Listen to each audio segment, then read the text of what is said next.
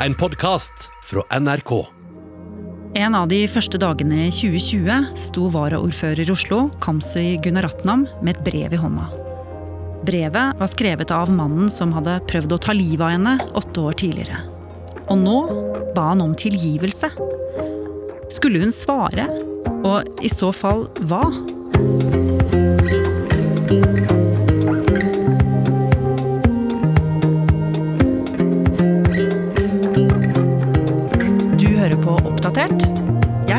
Jeg Nordenborg.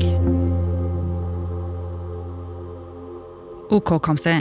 Kan du beskrive det du opplevde 3. januar i fjor? Eh, Hvor var du? Det var eh, siste fredag før vi skulle tilbake til jobb etter ferien, juleferien. Og jeg skulle bare sjekke post, få ting i orden, være i rute, tømme innboksen i e-posten. Em, og det lå mange mange fine kort der fra frivilligheten i Oslo. Og det var veldig hyggelig. Ja. Stemninga er jo at det er koselig, det er litt mørkt ute, det er, eh, det er vinter, det er Ja. Og så ligger det et uh, tjukt brev på bunnen av uh, uh, de kortene. Som minnet meg litt om de brevene mamma pleide å få fra Sri Lanka da vi var yngre, før e-posttiden. Jeg er veldig utålmodig, så jeg bare river opp brevet og begynner å bla. Uh, Istedenfor å gå fra starten, så bare begynner jeg å bla. Og syns alt virket så usammenhengende og rotete. Uh, vanligvis så er jeg veldig flink til å liksom skumlese og forstå okay, hva er det dette dreier seg om. Uh, men nå ble jeg bare, jo mer jeg leser, jo mer forvirra ble jeg. Ok. Men hva var det du liksom oppfatta av det, da? Jeg oppfattet at det var eh, Altså, det var rasistisk motivert. Fordi dette her med liksom skildre mellom ulike folkeslag, ulike mennesker, eh, det lå liksom til grunn. Eh, så jeg tenkte jo Skjønte jo etter hvert at det her ikke var helt um, Hva skal jeg si? Ikke en person som delte mitt verdigrunnlag. Så jeg gikk liksom tilbake til starten, fordi jeg ble bare mer og mer forvirra. Og der, der sto liksom Kjære Kamzy, tilgi meg, aksepter mitt avhopp. Og så er det signert eh, Anders Behring Breivik. Hva for gjennom deg da? Og jeg Hele verden falt sammen. Det var frysninger, det var blod som kokte, det var Rådhuset var borte. Det var bare meg i et mørkt sted med han til stede. Eh, det, det, det, ja. Eh, så jeg, eh, jeg merka at det gikk liksom fram og tilbake på kontoret mitt. Eh, og så så jeg på Facebook et par timer tidligere at Frode Jacobsen, min sjef, var på jobb. Så jeg løp inn på kontoret hans. Da må jeg løpe gjennom hele gangen. Og der så jeg at det var mørkt, så han var ikke der. Og jeg liksom trengte noen.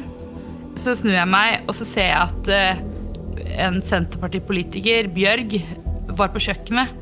Og hun så hvor, hvor forvirret jeg så ut, så hun, hun spurte jo om, om det var noe hun kunne gjøre for meg. Eh, og jeg bare Kan du være så snill bare lese og se om Er det det jeg tror det er, liksom?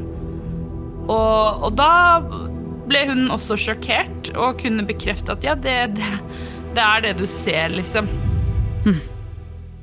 Så hva gjorde du? Eh, Jeg går tilbake til kontoret, og jeg fortsetter å se eh, på papirene. Og er liksom Altså, at du våger å kontakte meg, liksom. Og jeg ser at han ber om tilgivelse for å ha byttet fra en grumsete ideologi til en annen. Ja. Og ut ifra det du leste, så, så oppfatta du at budskapet var rasistisk, og at han fortsatt var villig til å bruke vold for å, få det som han ville.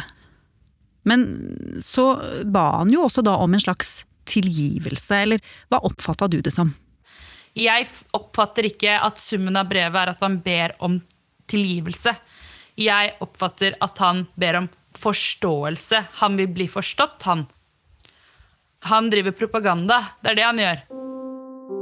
Og Kamzy, grunnen til at du ble så redd og sint, det er jo det som skjedde 22. juli 2011. Kan ikke du ta oss tilbake til den gangen? Hvordan du opplevde den dagen? Eh, 22.07.2011 så satt jeg i sentralstyret i AUF.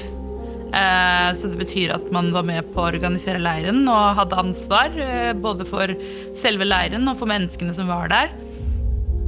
Når vi får høre at det er en eksplosjon i Oslo, i regjeringskvartalet, så tenker jo ikke jeg at det er en bombe. Da er det for meg eh, hva som helst som ikke er et målrettet angrep. Ikke sant? Så det var ikke noe å være redde for, bortsett fra at man var bekymret for foreldrene til enkelte deltakere på Utøya, om det var noen i familien som var i sentrum. Ikke sant? At, at det var liksom sånne ting man bekymret seg for. Ikke noe større angrep. Ikke sant? Eh, så man var jo bare mest opptatt av å passe på hverandre. Det var kaldt, det var regn, det var mange mange unge mennesker. Jeg var jo 22-23 år. ikke sant? Eh, det er jo helt annerledes for meg som er på min femte leir, eh, enn for 15-16-åringer som er på sitt første. Så det var jo hovedoppgaven, var jo å passe på de. Ja. Så sto jeg sammen med generalsekretæren Tonje Brenna midt foran det store huset. Eh, midt på leir, altså øya. Og når vi sto og snakket sammen, så hørte vi noen lyder fra liksom langt ned i bakken som vi trodde var kinaputter. Så vi var sikre på at folk kødda. At folk eh, tulla med kinaputter på et tidspunkt hvor veldig mange var veldig skjøre og veldig redde for uh, hva, som, hva som skjedde i Oslo. Så da var vi på vei mot skuddene, ikke sant? eller det vi trodde var kinaputter, for å si at nå må dere slutte med det her, liksom. Og det var da vi så masse folk komme løpende oppover bakken, og hvor folk ropte 'nå må dere gjemme dere'. Og da løpte jeg og gjemte meg alene på en utedo. Tok av meg veska, satte mobilen på lydløs, stappa den i BH-en liksom sto klar for å løpe. Og skytinga liksom forsvant innover leirplassen.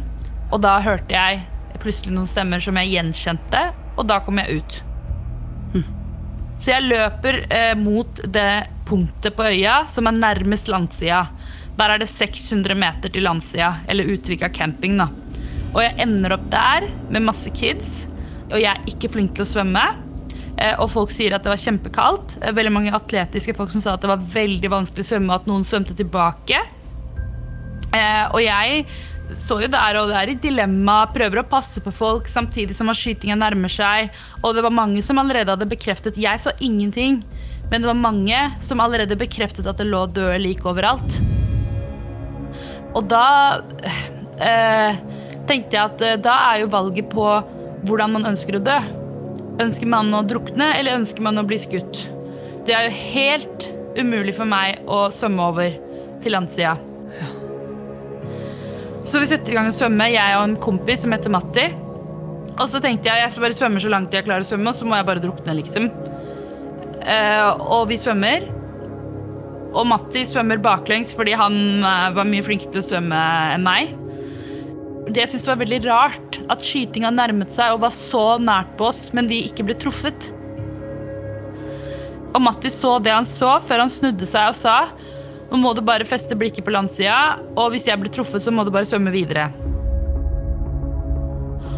Og jeg svømmer videre, og jeg skjønte ikke hvorfor han sa det. Og så tror jeg etter sånn 400 meter eller noe sånt, så fikk vi eh, noen som kasta livbøyler vi kunne flyte på. Og så kom det en ny båt som plukka oss opp. Og det var da Matti fortalte meg at da vi var noen meter ute i vannet, så ble jo de vi etterlot oss, skutt ned. Og før politiet rakk å pågripe ham, hadde han drept 69 mennesker på Utøya. Og denne dagen er jo regnet som en av norgeshistoriens aller svarteste dager. Og Kamzy, hvordan var det i tiden etterpå for deg? I tida etter 22. juli så var jeg veldig påvirket av at skyting er noe som kan skje i Norge. At bombing er noe som kan skje i Norge. Så den tida var jo frykten veldig dominerende. At det lyder og ting som hørtes ut som skudd, som hørtes ut som sant, forberedelse til noe skudd, eller sant, at noen gikk rundt med en stor bag. Jeg lurte på hva var inni den bagen. Hva er det du skjuler? Hva er det som kan skje nå? Og det var en utholdelig frykt å gå rundt med. Og så lærer man seg pusteøvelser, roe seg ned, forstå at ting er ikke Det er ikke hovedregelen i Norge at vi blir skutt etter, og at uh, sentrum blir bomba, liksom. Og så ble jo Anders Behring Breivik dømt til 21 års forvaring med en minstetid på ti år. Og du fortsatte jo din politiske karriere, og etter hvert så ble du varaordfører i Oslo. Mm. Og fra utsiden så virka det jo som om det gikk veldig bra med deg. Men det var ikke helt sannheten om hvordan du egentlig hadde det på den tida. Folk tror jo man som politiker bare turer fram. Men hver eneste dag så må jeg mobilisere alle krefter for å stå oppreist, for å stå i en folkemengde eh, og holde appeller, holde taler, samtidig som man aldri er fullstendig overbevist om at man ikke blir angrepet. Så jeg tror egentlig den roen jeg trodde jeg hadde funnet, er at jeg har tillit til at det ikke skjer. Og hvis det skjer, så skjer det. Da eh, har jeg gjort mitt beste, og det er ikke noe mer å gjøre nå.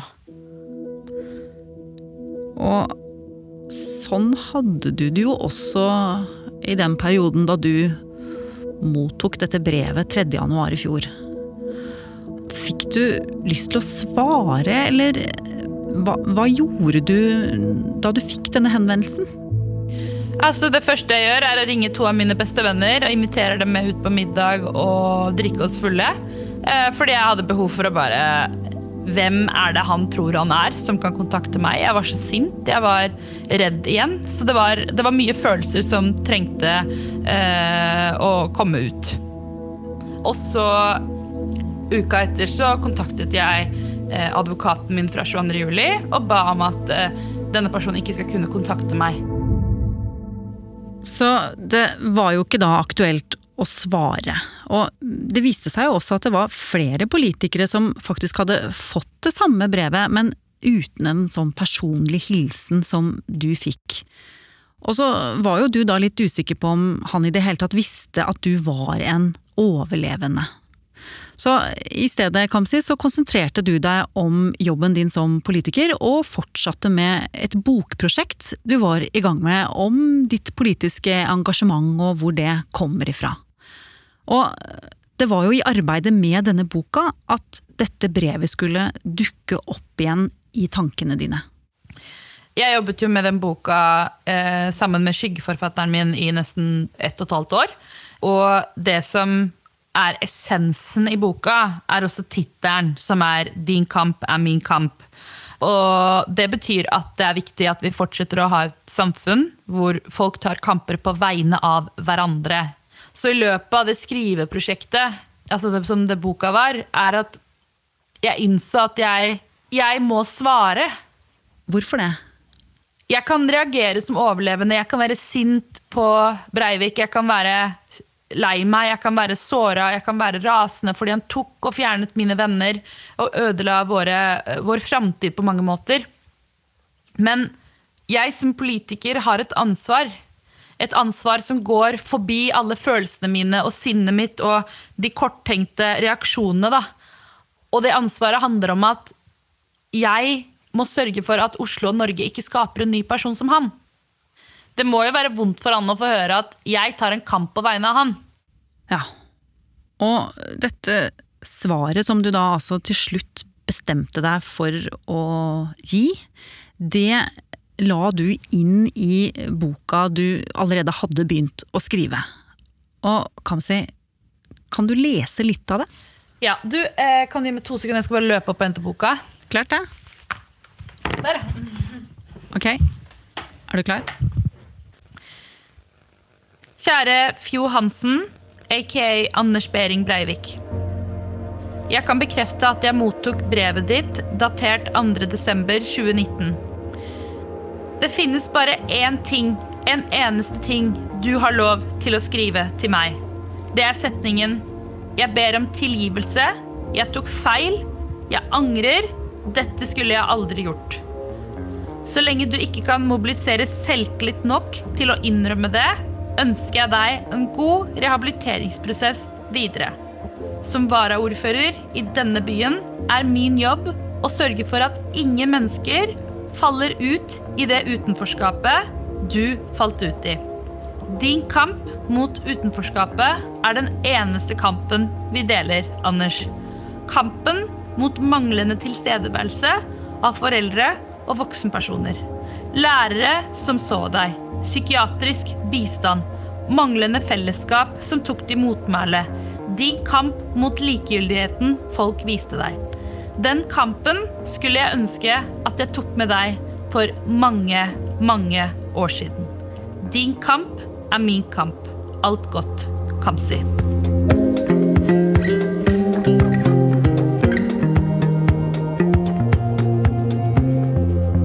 Har du lyst til å bli fast lytter av oss i Oppdatert og få påminnelse om nye episoder, er det bare å følge oss i NRK radioappen. Og så er det veldig hyggelig hvis du vil anbefale oss til en venn. Oppdatert er en podkast fra NRK Nyheter, og denne episoden er laget av Ida Tune Øretsland, Andreas Berge og meg, Ragna Nordenborg. Eva Midthun Leira er redaksjonssjef. Vil du kontakte oss, gjør gjerne det på oppdatert krøllalfa nrk.no. Du har hørt en podkast fra NRK. Hør flere podkaster og din favorittkanal i appen NRK Radio.